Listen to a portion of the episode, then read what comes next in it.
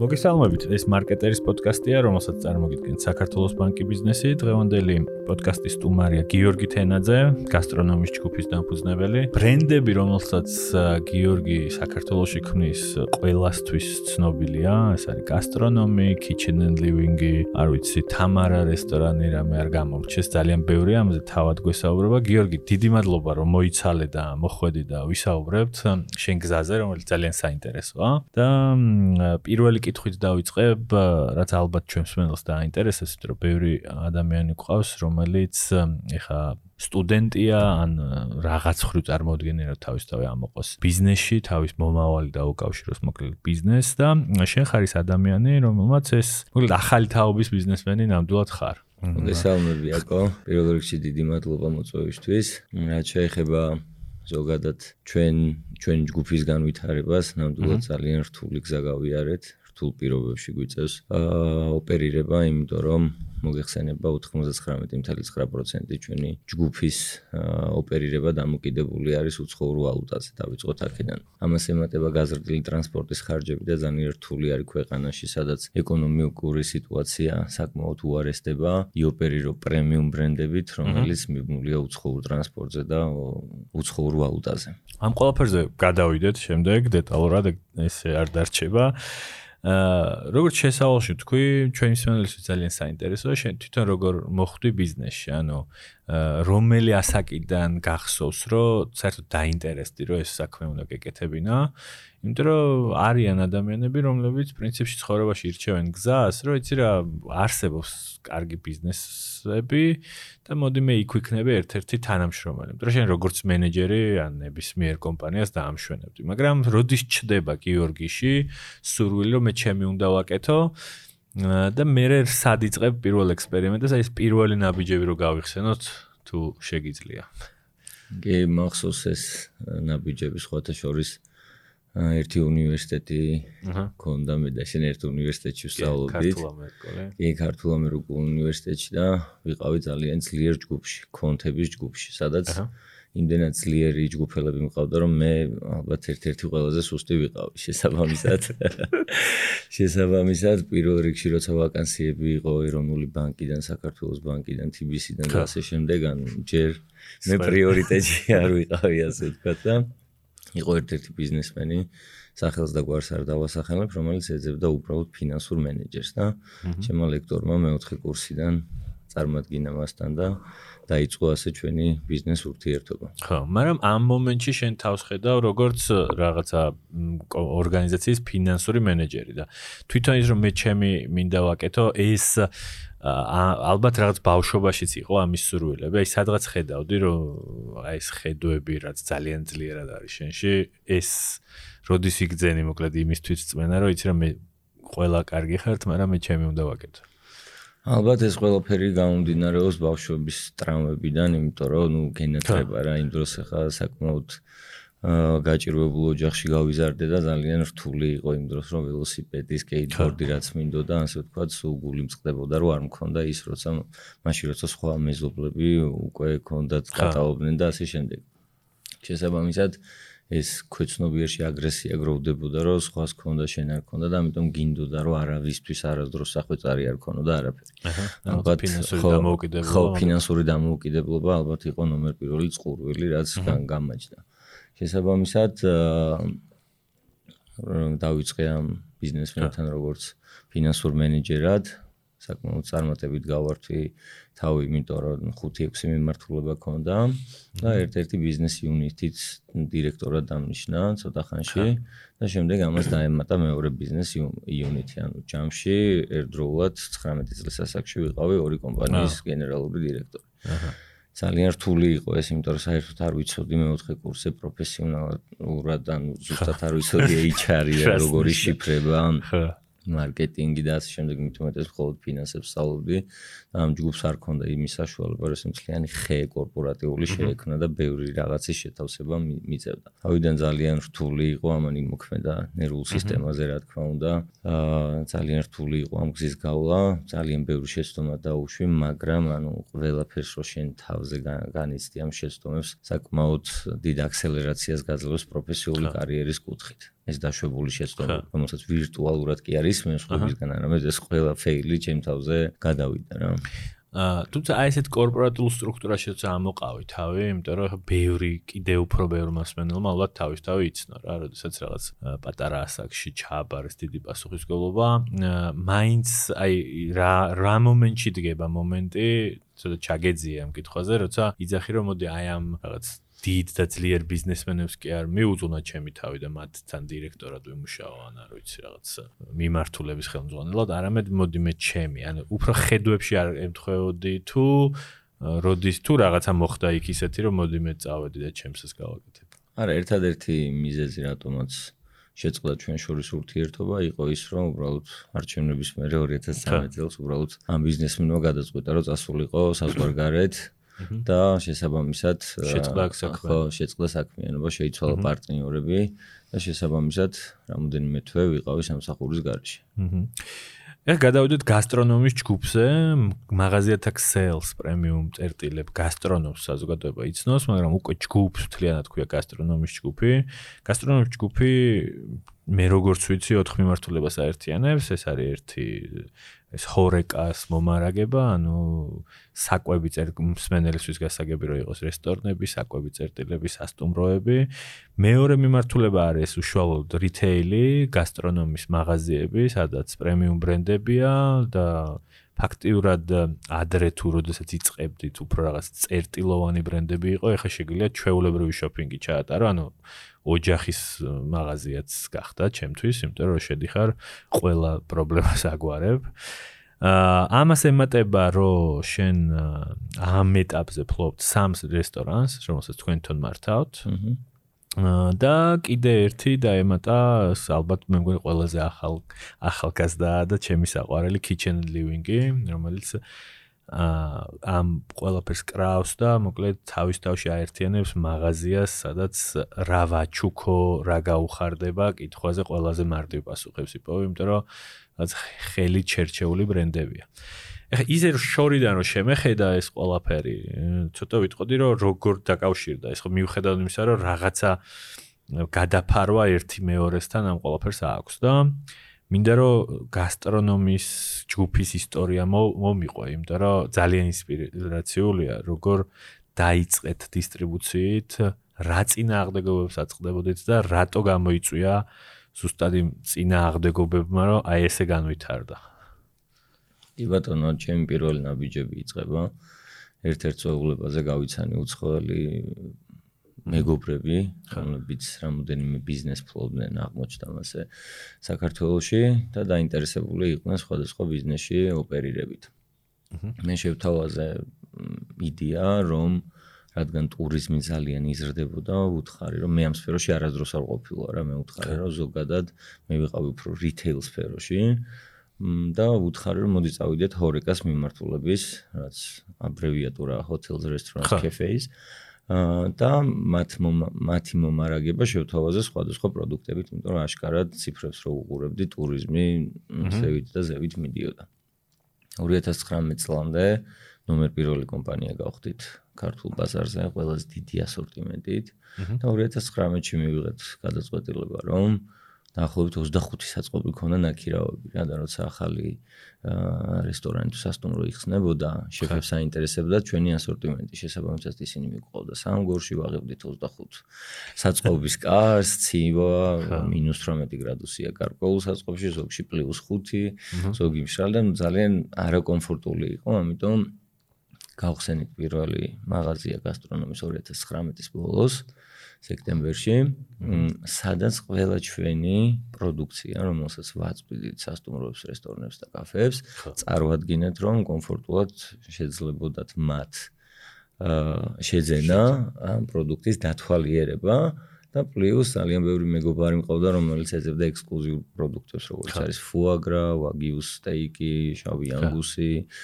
შავი ხიზილა და ასე შემდეგ, რომელიც მხოლოდ ჰორეკასთვის ქონდა განსაზღვრული ოღონ ძალიან ცუდი ფაქტორი არის ის რომ ჰორეკასთვის იყო მხოლოდ ერთი კლიენტი. ანუ ანუ ეს არისო რომ მასიურად ბევრი კლიენტი ყავდა ამაზე. ანუ ყველა პროდუქცია იყო ერთი კლიენტი. შესაბამისად, აა სხვა რიტეილში არ იყიდებოდა არსად ეს პროდუქტები და გადავწყვეტეთ, რომ შოურუმი მოიმსახურებოდა ორივე სეგმენტს, როგორც ჰორეკასთვის შოურუმს, შეფებისთვის, ისე იქნებოდა B2C რომ ჩაულებრივ ადამიანებსაც შეეძლებოდა შეძენა. პირველი ნაწილი, ესე იგი, თავიდან ეს დისტრიბუცია რო დავაზუსტოთ სვენელისთვისაც იყო, რომ თქვენ სასტუმრო და რესტორნების მომარაგებას ხედავდით საკვებ ნაწილში მხოლოდ. კი, მხოლოდ საკვებ ნაწილში და შემდეგ გასტრონომის გახსნამდე ალბათ იყო რამდენად გქონდათ ცდელობა, რომ მოდი მე კი არ შევიდე რაღაც შოურუმის და მაღაზიის ბიზნესში, სხვა ანუ ვისაც უკვე აქვს მაღაზიები საქართველოში, იმათთან თუ გიცდია და რა რა ფიდბექი იყო? გარდა სტანდარტული ასორტიმენტისა, რაც ყოველდღიური მოხმარების არის, ხო, რაღაც ყველი, ნაღები, რძე, караკი, თევზი, ორაგული და ასე შემდეგ. იყო ხოლმე მომენტები, როცა იყო უცხოელი ადამიანების ქორწილი და მათ უნდათ ლობსტერი ან შავი ხიზილალა და ჩვენ ეს ჩამოქონა ხოლმე ერთჯერადად რა ამას სისტემატიური სახე არ ქონია რა. ჩვენ მოუძებნით ლობსტერს ფუაგრას შავი ხიზილას და შემდეგ ჩამოვიტანდით მაგრამ ამას არ ეძლეოდა რესტორნების და სასტუმროების მხრიდან პერმანენტული სახე. ასევე ამას არ არ არ ეძლეოდა სახე რიტეილის კუთხითაც, არ ჩამოუცლი რიტეილერებს, რომლებთანაც მივდიოდით შეთავაზებით, რომ ეს ექსკლუზიური პროდუქტი განვათავსოთ, ორივე მხრიდან ბარიერი იყო წინასწარ აღმართული, რომ არ გაიყიდება, არ იმუშავებს. აჰა. ანუ ფაქტიურად იმდენი უარი გითხრეს და იმდენი არ გაიყიდება, რომ მოგიწიათ, რომ გაგიხსნათ გასტრონომები და დაგემტკიცებინათ ყველასთვის, რომ ძალიან კარგადაც გაიყიდება და ამ ყველაფერზე არის მოთხოვნა. კი, ზუსტად 100% გეთანხმები მასე მოხდა. თუმცა იმდენად დატვირთული იყო ყველა 2019-ში ბიზნესით გადაგენები რაღაც რომ ბევრს ვეპატიჟებოდით. რომ მოსულიყო ჩვენთან დეგუსტაციაზე ბევრს არეცავა, ყველას ან მოწონდა, ვინც გსტუმრობდა, მაგრამ ესე ძალიან დიდი მოთხოვნა არისო ჩვენზე, მაგრამ პანდემიის დროს ზუსტად 1100%-ით გაიზარდა გაყიდვები. ანუ X თანხა რაც ქონდა დავაჭრი 11 ჯერ მეტი გახდა, რამაც გვიბიძგა, რომ გაგვეხსნა მეორე, მესამე და ასე შემდეგ. უბრალოდ ეხა დღეს რამდენი ფილიალია? 4 არის 7. 7. 7 ფილიალი. მე 4-მდე გამოვიყრე. ხო, არა, ძალიან საინტერესოა, იმიტომ რომ მახსოვს პირველადი იდეა, როდესაც შენ ახთოვანებული ყვებოდი, რომ ერთი შოურუმი მინდა და ეხა ხვდები რომ უკვე ადამიანების გარკვეული ჯგუფი იმდენად დამოკიდებული გახდა რომ პრინციპში მოთხოვნა არსებობს რომ ყველა რაღაც ქალაქის გასასვლელებში თუ ცენტრალურ უბნებში არსებობდეს გასტრონომი და ძალიან მიხარია ეს ყველაფერი. ამის შემდეგ იწყებ სარესტორნო ბიზნესში რომელსაც პრინციპში კარგად იცნობ და მთელი საქართველოს წამყვანი შეფზარეულები გიცნობენ მადლიერები არიან იმიტომ რომ პრინციპში აძლევთ შესაძლებლობას რომ მაღალი ხარისხის პროდუქცია იყიდონ, რომელიც თუმს მენელმა არიცის და ალბათ ბევრმა არიცის, მოკლედ გემრიელ საკვებში ალბათ 50% პროდუქტის ხარისხს უჭირავს. მე მეტი თუ არა, ხო? აა და მე მიდიხარ რაღაცა შენთონ ამ როგორ დავარქ სარესტორნო ბიზნესში, ანუ თამარა, სტეიქჰაუსი და აი აქ აქ აქ რამ გიბიძგა რა კიდოდათ რესტორნებში. Ну ესე იგი მანდაც იგივე თემა იყო რომ თან ბევრ წარმატებულ რესტორანს შევთავაზე რომ ეცადათ მხოლოდ. ანუ მე არ ვთხოვდი მათ წინასწარ თანხის გადახდას. არაფერს ვეუბნებოდი რომ დადე შეწვი მოამზადე თუ გაიყიდება მხოლოდ მაგ შემთხვევაში გადამიხადე მაგრამ მაინც შიში იყო რომ ყველას უნდა რომ რაღაც 30 ლარს კერძი არ გაცდეს გასაყიდი ღირებულება შესაბამისად ჩვენ რაც ვქენით რომ პირობითად შემოვიდანით ეგრევე 30-დან რაღაცა 200 ლარიანი სტეიკი 300-იან და 550-ზე წადის, ხო ეს ხო ძალიან დიდი ყინულის გალღობა. გალღობა რა, ან აი 6 ჯერ და 7 ჯერ ახტები ბაზრის სერვერს, რაც რა თქმა უნდა ბევრ ადამიანში აა იწევდა აგრესიას, რომ რა ამბავია. თუმცა ხო შენ საიდან გჯეროდა, ანუ ეხლა რაც ჩამოვთვალეთ ეს ყველა ბრენდი არის პრემიუმი, ხო? ერთის ხრი ხა მეც რომ ახსენდება ქართველები თუ ბევრი ტურისტი რომელიც ამ ქვეყანაშია ქვეყნის ფარგლებს გარეთ ესეთ თანხებს იხდის ხო ნო სტეიკი მე მგონი წესიერი სტეიკი რაღაც 70-80 ევრო რაღაც ამ ფარგლებში ისაც არის და აქ რატო ფიქრობ? ანუ რა რა უშლიდა ამ ხალხს ხელს რატო გეუნებოდნენ რომ მათ რესტორნებში ეს არ გაიყიდებოდა არ გადაიხდიდნენ და შენ საიდან მოდიოდა ეს ამ ხელრწმენა პრემიუმ ბრენდების მიმართ? მ ყველაფერი ალბათ წინათგრძნობა არის პირველ რიგში და რაღაც ხოვრებისეული გამოცდილება პლუს ამას ემატება ბევრი მოგზაურობა და ახლობით 42 ქვეყანაში ვარ ნამყოფი და 200-ზე მეტ ქალაქში შესაბამისად ეს გაძლევს ძალიან დიდ სოციალურ ხედველობას რა როგორ უნდა გასერვირდეს რა როგორ მოამზადო რა როგორ წარუდგინო მომხმარებელს და ასე შემდეგ. მაგრამ ამას ემატებოდა ამ წინათგრძნობის გაღრმავებას ის ფაქტი რომ ხედავდი ძალიან ბევრ Porsche-ს, Mercedes-ს, სხვადასხვა უბნებში, პრემიუმ უბნებში და ხედავდი, რომ ეს მანქანა არ ღირს რა იაფი და ხედავდი იმ განაშენიანებას, რაც ხდება გოჯორი ტაბახნელალი სიწყნეთი და ასე შემდეგ. შესაბამისად სულ არის ძირითადად ბევრი გასართობი თემა, მაგრამ ნუ ძირითადად არის ჭამა, ჩაცმა და მანქანა პირობითად. ხედავდი, რომ თუ ჩაცმაში ვიცი, რომ ძალიან ბევრი ჩემი მეგობარი მოგზაურობს და ყიდულობს ძირფას ბრენდებს პლუს ხედავ რომ ცენტრები ძალიან მაგრად მუშაობს მანქანის და ძალიან ბევრი პრემიუმ ხარისხის მანქანა დადის ვიფიქრე რომ ვიღაცამ უნდა შექმნას ჭამაც იმიტომ რომ ნუ ჩემთვის ამ სამიდან პირველ რიგში ხარისხიანი ჭამაა და მე მოდის უკვე ჩაცმა და რაღაც და ჭამას რაღაც ხო პირდაპირ გავლენა აქვს ჯანმრთელობაზე ეს სხვა უფრო მოიცდის ვიდრე ზუსტად 100%. აა ძალიან საინტერესო. აა და შენ ახსენე რომ პანდემიის დროსო 11 ჯერ გაიზარდა ხო ის მოლოდინები და შემოსავლები. როგორ ფიქრობ ეს რამ რამ განაპირობა? ნუ ეს ის პერიოდია როცა საშვების garaშე სიარული აკრძალულია ეს ის პერიოდია როცა მანქანას ვერ რეცხავ ვერ იჭრითმებს შესაბამისად ერთადერთი მე უღლეს წინ ვერ დაისვა მანქანა შეგეც შეზღუდვა წარსებობდა და ერთადერთი ვარიანტი გაქვს რომ ჩახვიდე და მხოლოდ სუპერმარკეტში თუ გურმე სტორში იშოპი. სხვა მეორე აქტივობა არ არსებობდა და მით უმეტეს ამას ემატებოდა ის რომ სერვისით, ასორტიმენტით ის ხალხი ვინც ვერ იცლიდა იქამდე ჩვენთან მოსასვლელად, მოიცალეს პანდემიის დროს და შესაბამისად მათთვის ეს ჩვენი განსაკუთრებული დიზაინი, მომსახურება, ასორტიმენტი ძალიან შთამბეჭდავი აღმოჩნდა. შესაბამისად მორჩა თუ არა პანდემია ანალოგიური ტემპით გაგრძელდა ჩვენ ბრენდზე მოთხოვნა. და იცი რა მაინტერესებს კიდე ხა ვიხსენებდი ჩვენ ერთ-ერთ საუბარს, ეს იყო პანდემიის დროს.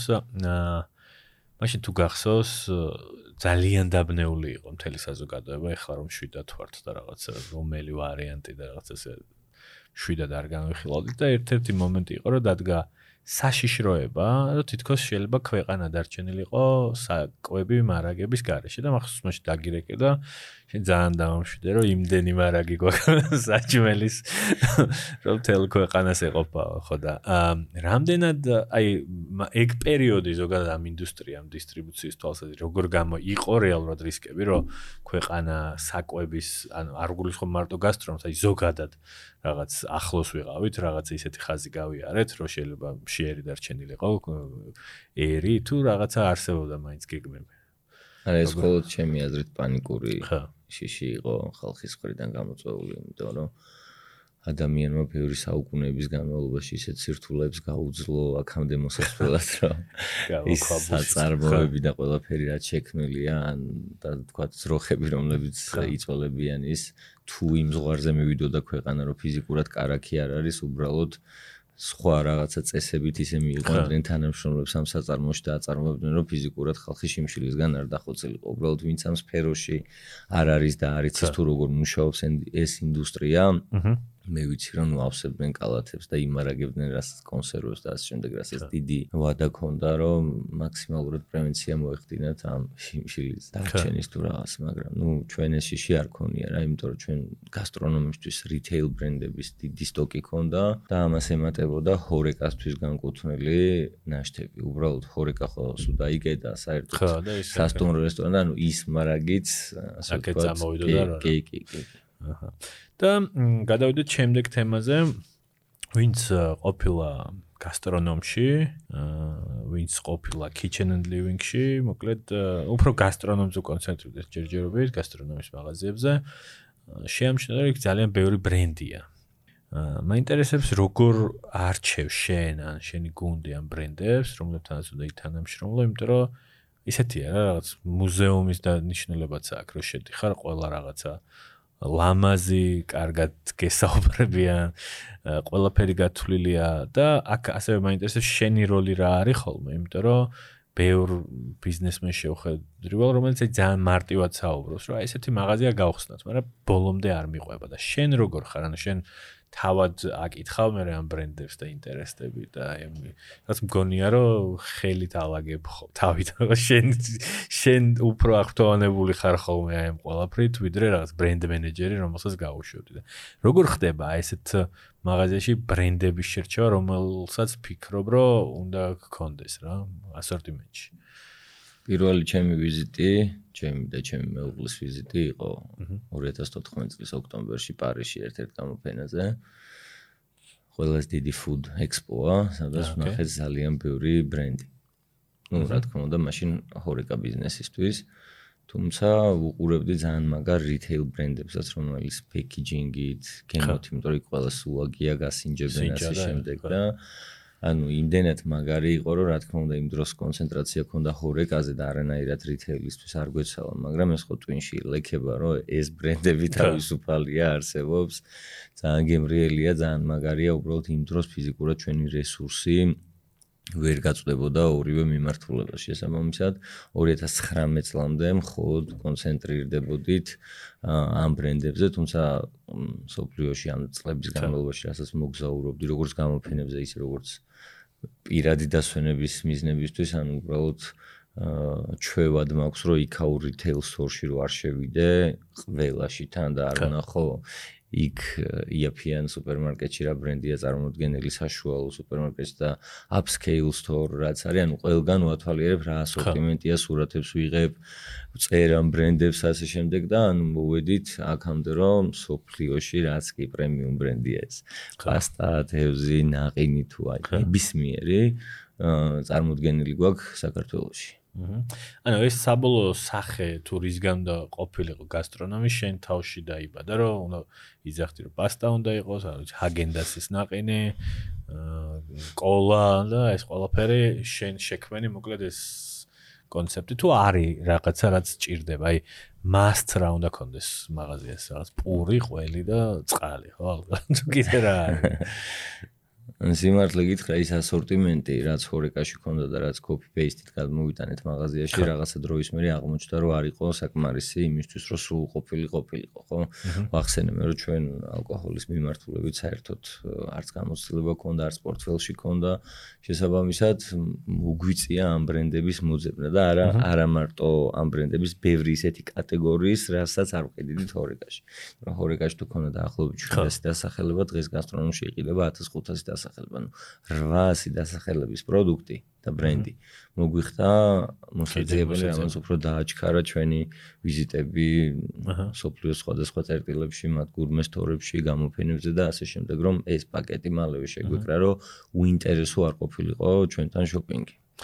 აა ზუსტად ეს შემდეგი კითხვა ამას ეხება, რომ შენი საქმიანობის ალბათ განუყოფელი ნაწილია მოლაპარაკებების წარმოება.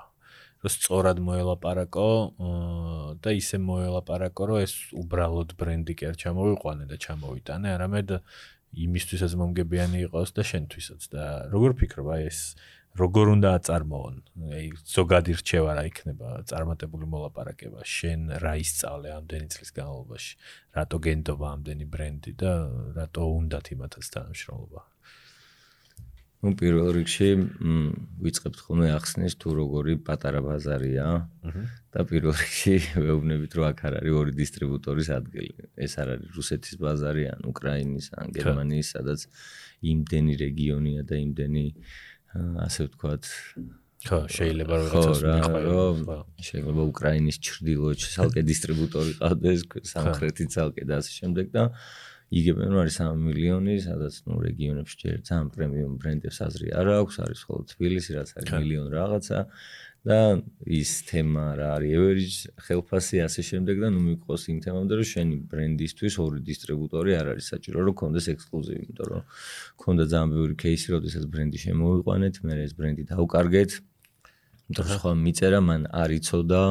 რომ რეალურად ჩვენ ყველაზე მაგრები ვიყავით, მე ინანა, მე დაგვიბრუნდა ისევ, მაგრამ ანუ ამისთვის ეს რო აღარ მომხდარიყო, წინასწარ გავწერეთ გაიდლაინი რა. ანუ ისე აღარ ვიწყებთ ბრენდთან ურთიერთობას, თუ გადახდის პირობაზე არ მოდის, ექსკლუზივზე არ მოდის, რაღაცა სემპლინგის პროდუქტებზე არ მოდის, რაღაც კეშბექსი არ მოდის და ასე შემდეგ. ანუ წინასწარ უთანხმდებით.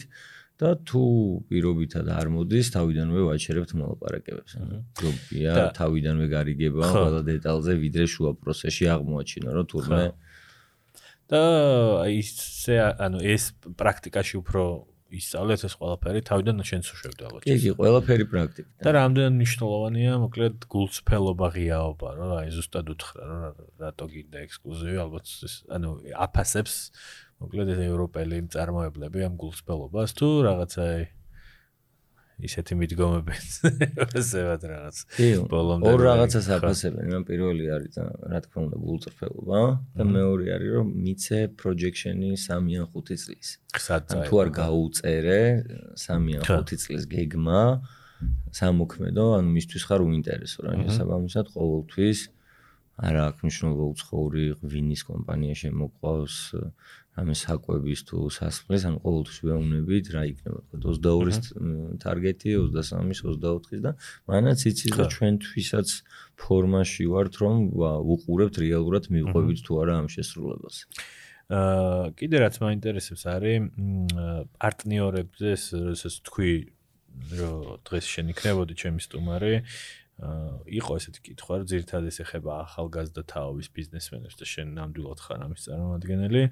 როგორ წყვეთ, საერთოდ გჭირდება თუ არა პარტნიორი, აი რას ურჩევდი ახალგაზრდებს, რომელიც ეხლა იდეა აქვს და ზოგს გონია რომ მარტო ვერ დაიწყებს და პარტნიორი ჭირდება, ზოგს გონია რომ პარტნიორი არ ჭირდება. აი შენი ხედვა როგორია, როდის შეიძლება დაგჭირდეს პარტნიორი, რა უპირატესობა აქვს და რაში შეიძლება ამან შეგვაფერხოს, ხო? ანუ მარტო ის როი პარტნიორებთან რაც რამოდენიმე რო იწყებს ურთიერთობას, ეს ის. ასევე კიდე პარტნიორობაზე ხო არ გახსენდება რაღაცა კო-ბრენდინგი რაღაც გასტრონომი და არ ვიცი ვიღაც წარმოგიდგენთ რაღაცას ესეთი პარტნიორობები და შე რას ურჩევდი, მოკლედ ახლა ეს უფრო რჩევა გვაინტერესებს პარტნიორებთან ერთად საქმის წარმოებას. Ну ჩემს გარშემო არიან ისეთი ადამიანები ვისაც ეს თუ რო იყო შარკი ასე ვთქვათ ეს დაბალ დონეზე აქვს. შესაბამისად ნაკლებად ამბიციურები არიან ფიქრობ რომ გაიტიპები არიან ვიდრე მე. ხო და ანუ მინახავს 2-3 ისე მუშაობს რომ ეს შარკის რაღაც ის უფრო დაბალ დონეზე აქვს დაწეული და არა აქვს რა. მე ძალიან რთული ვარ პარტნიორობაში, იყო რამოდენიმე პროექტი, სადაც ყავდა პარტნიორი, მაგრამ ანუ იმდენად სწრაფად მიყვარს და ერთ პიროვნულად გადაწყვეტილებების მიღება, რომ აჰა. იმდენად სწრაფად მინდა რომ ყველაფერი გაკეთდეს, რომ ვფიქრობ, რომ პარტნიორის თემა მაფერხებს და უკან ხაჩავს პირიქით. ჩემ კონკრეტულ შემთხვევაში. ალბათ განვითარების ეტაპზე როცა სწრაფად გინდა უფრო ხედავ რომ ჯობია ეს ერთი ვიჟენით და სწრაფად აკეთო და შეიძლება მე როცა უკვე ასტაბილურებ იქ მოიაზრო. თუ აი შარკობაში რას გულისხმობ, ანუ ეს რა რა რა რა რა გძნება. ყველაფერი გაკეთდეს სწრაფად, როგორც გინდა, დაიხარჯოს ამდენი რომ მიიღო ეს პრემიუმ ხარისხი, ანუ არ გამოდის თუ არ დაიხარჯე ყველაფერში ეს რემონტია, სერვისია, მოგწონთ ალბათ გასტრონომის სერვისი, ხო, პირობითად აქ თუ ძალიან დიდი ფული არ ჩადეს სტაფის ეს ტრენინგში. ანუ ყველა ის მაცივარი რაც დგას თუ ყავის აპარატი თუ არ გადაიხარდა. ანუ ყველა დეტა ანუ სწორი ლოკაციები და ხო ანუ დეტალები ქმნის ბოლოს პერფექციონიზმს რა და მე ვარ პერფექციონისტი და როცა ვინმე მეკაჩება რომ არ ვიყო პერფექციონიზმი შესაბამისად ეს ძალიან მირტყამს რა როგორც ეგოზე ისე ფსიქოლოგიაზე შესაბამისად იმდენად დარწმუნებული ვარ რაღაც პროექტებში რა რომ იქ რაღაცა ნაბიჯროდგან მე შესაძახმებელია ვიღაცასთან რაღაცა.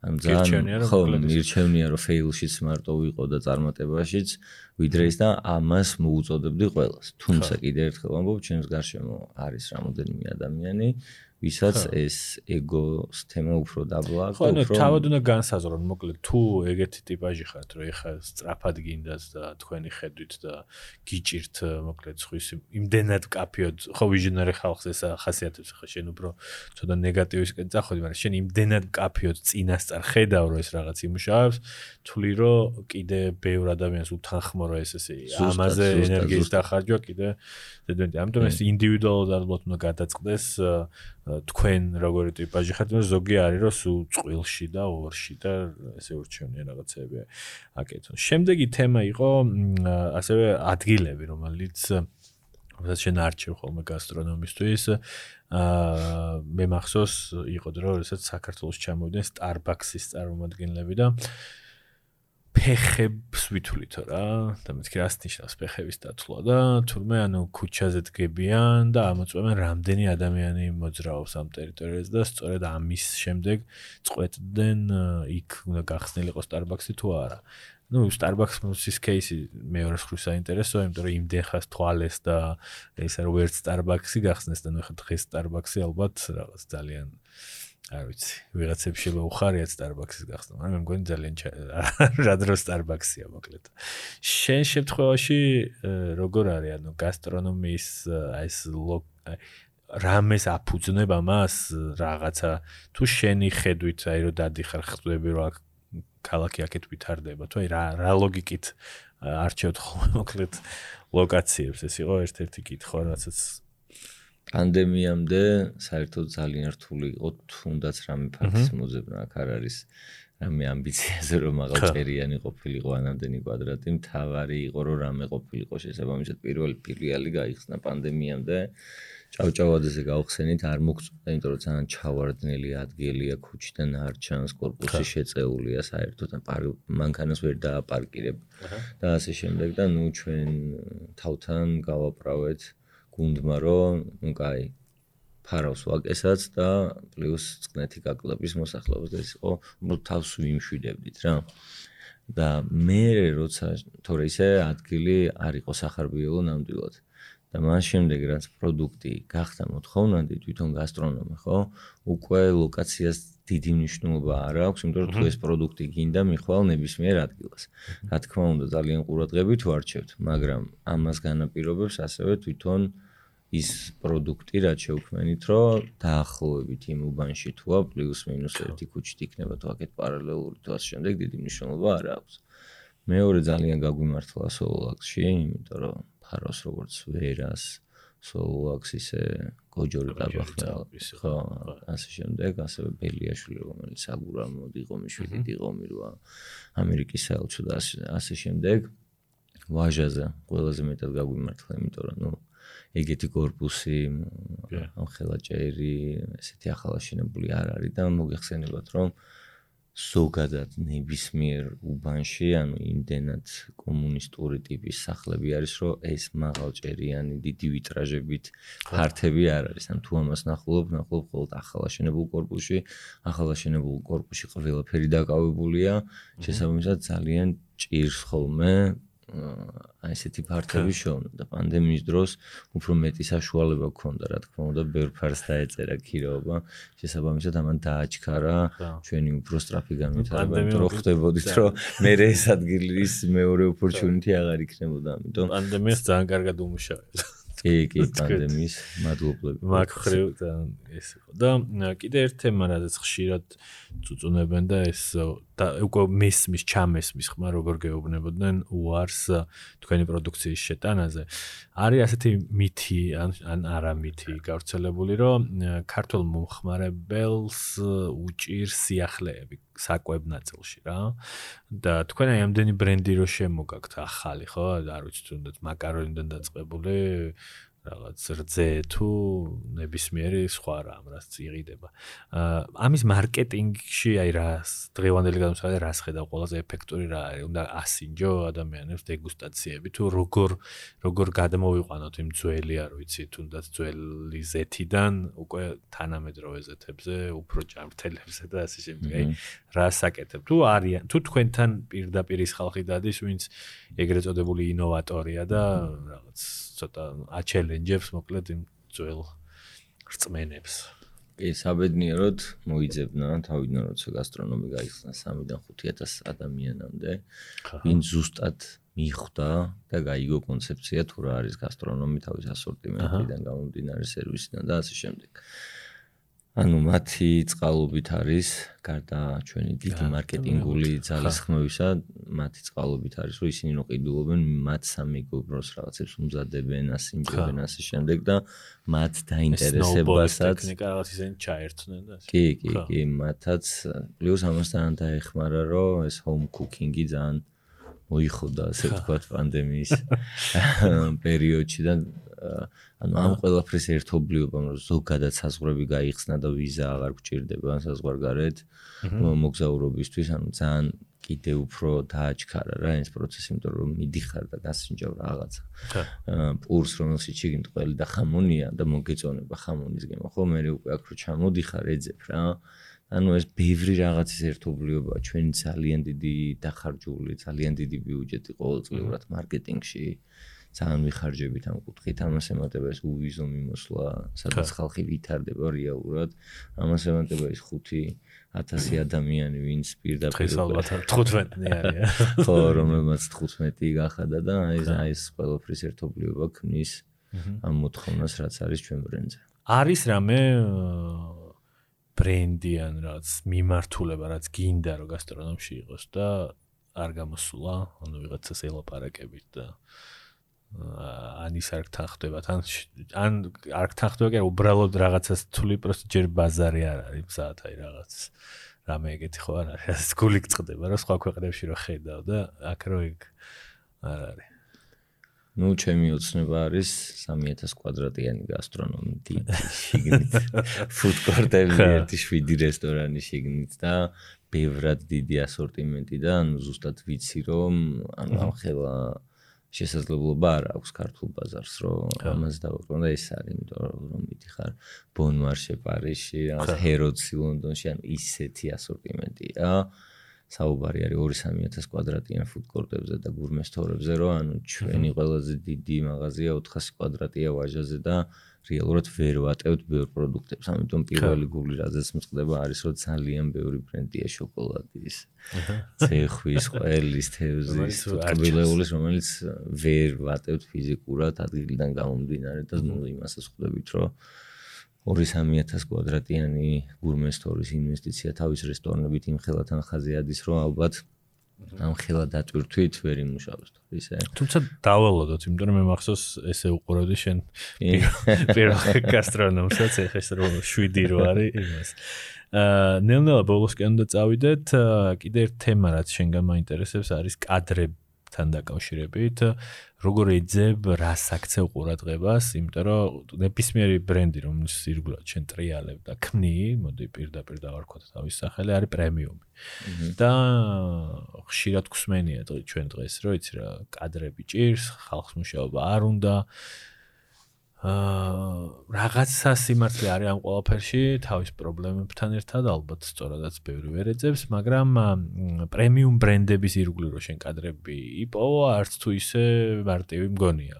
და პლუს ამას მგონია რომ ამ კადრებზე კიდე უფრო დიდი კონკურენცია პრემიუმ ბრენდებს შორის, ხო? იქ რაღაც საავტომობილო პრემიუმ ბრენდებია, რაღაც არსებობს პრემიუმ ბრენდები ჩასაცმელში, არსებობს უძრავ ქონებაში და ასე შემდეგ და შენ პრინციპში ამ ადამიანმა უნდა გადაწყვიტოს ამათთან იყოს თუ შენთან. და როგორ რა რა რა წინააღმდეგობებს აწყდები მოკლედ კადრების ადვილად პოულობთ, ვერ პოულობთ, რა მეგზა იპოვეთ, როგორ იპოვოთ, მე როგორ ინარჩუნებთ, იმიტომ რომ რაღაც ჩემი დაკვირვებით ყოველ შემთხვევაში საკმაოდ მაღალი ლოიალობის ლეველი გაქვთ, რა ნუ ბევრი ხშირად არ იცვლება თქვენთან. როგორ ახერხებთ ამას? ახლობით 6% არის კადრების დენადობა, 90-90% გვიჭირავს.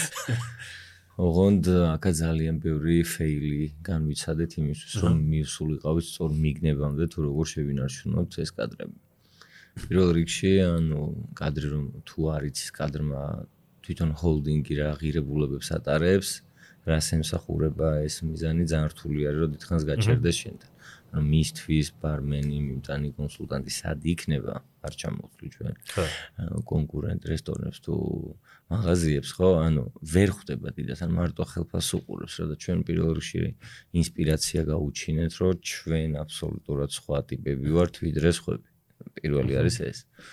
მეორე დაგვჭირდა ცალკე პეიჯის შექმნა jobs by gastronom სადაც ცალკე სოციმედიის გუნდი ყავს ასე ვთქვათ და ანუ თუ იყო დრო რო პირიქით ხალხი იხვეწებოდა რომ სადმე დაიწყო მუშაობა ხა ჩვენ შევქმნით პეიჯს სადაც პირიქით ვეხვეწებით რომ მოდით ჩვენთან ეს პირობებია დაგვიტოვე რეზიუმე და რაღაც ან შეიცვალა რა ეს სისტემა ზოგადად. ამიტომ ვატარებთ დაახლოებით გადაჭარბების გარეშე ამ 50 გასაუბრებას რო ერთი ან ორი კონსულტანტი აჰა. ისეთი ტიპები, ვინც შეეფერება გასტრონომს და ჯერა, მოკლედ იმ ყველაფერს რასაც აკეთებს. შეუძლებელი არ გჯეროდეს და უბრალოდ ამ სივრცეში იყო. ძალიან დეტალში. ხო, ისაც ჯერა და ასე შემდეგ რა. უბრალოდ ხუთი ადამიანს უწევს, ხუთი HR იყოს, ხუთ ადამიანს უწევს ამ 50-დან ერთი ან ორი კადრის აყვანა. ძალიან კარგი და უკვე ბოლოსკენ წავიდეთ. ბოლო შეკითხვა იქნება ჩემგან. რას ურჩევდი ახალგაზრდებს? რომლებიც ეხა გვისმენენ და ფიქრობენ საკუთარი ბიზნესის დაწყებას, იმიტომ რომ შენი ისტორია თან ინსპირაციულია და თან არის, როგორ თქვა, ლაკი, ხო, რაღაცა წვეულებაზე იცნობ ადამიანებს, რომელსაც თავაზობ, რომ გრძნობ, რომ რაღაც ჰორეკას მივხედოთ ეხლა, კარგი იმითი, აი იმ ხალხს, ვინც დღეს უბრალოდ გვისმენს და გაიელვებს ხოლმე თავში, რომ მოდი მეც ხარ მქონდეს ჩემი ბიზნესი, რა სეტყოდი, რა გამოადგებათ შენგან რჩევა. ხო, ანუ არიან ადამიანები, ვისაც ურჩევნია, რომ სხვასთან იმუშაოს და ფიზიკურად არ არის მოწოდებით ესეთი ადამიანი. არიან ადამიანები ვისაც 100% გადაწყვეტილი აქვს რომ უნდა იყოს ლიდერი და კონდეს თავის ბიზნესი და ბევრი არის შუაში რა სადღაც რომ აი არიცის ხო რა გადაწყვეტილი რაღაცა ცოტა აი თან აღრება გულისხმობასთან მუშაობს ან თან ვერ ბედას ალბათ უფრო შუაში ვინც არიან იმიტომ რომ იმათ მაინც ვერ შეცვლი რა იმას ისე ურჩევნია რომ რაღაც კორპორატიულ სტრუქტურაში ერთ-ერთი ჭანჭი იყოს და აკეთოს თავის საქმე ერთგულად რომ მაგ ადამიანის ძალით გადმოქაჩვა რომ მოდი რამე დაიწყე ენტერპრენორული ანუ აზრი არ აქვს რა. შესაბამისად აი სადღაც შუაში არის კიდე რაღაც პროცენტი და მათთან რჩევა მექნებოდა რომ ცოტა ბანალური არის ჩემი აზრით მაგრამ ნუ აი შრომა შრომა შრომა. რამდენი ფეილიც არ უნდა განიცადონ უნდა წამოდგენ და წამოდგენ და მაინც ცადონ რა. უბრალოდ შანსი არ არის. ანუ თუ ვერ გამოდის ესე იგი რაღაცას არ აკეთებ კარგად ანუ სულ უნდა იყოს თვით კრიტიკაში რომ რა არ გავაკეთე, რა დავაკეთე და იმას შემდეგ რომ საკუთარ თავთან და საკუთარ თავთან დასვენა კითხოს რომ მე ჩემი მაქსიმუმი გავაკეთე, მაგრამ არ გამოვიდა. ესე იგი არ გააკეთე მაქსიმუმი. ესე იგი სადღაც მაინც და არ არსებობს რომ მაქსიმუმი, რეალური მაქსიმუმი გააკეთო და მიზანს ვერ მიაღწევ. შანსი არ არის. ძალიან დიდი მადლობა, ძალიან საინტერესო საუბრისთვის. მე შეგახსენებთ თქვენს მენდით მარკეტერის პოდკასტს, რომელსაც წარმოგიდგენთ საქართველოს ბანკი ბიზნესი. ჩვენი პოდკასტის სტუმარი იყო გასტრონომ ჯგუფის დამფუძნებელი გიორგი თენაძე. დიდი მადლობა გიორგი. მადლობა.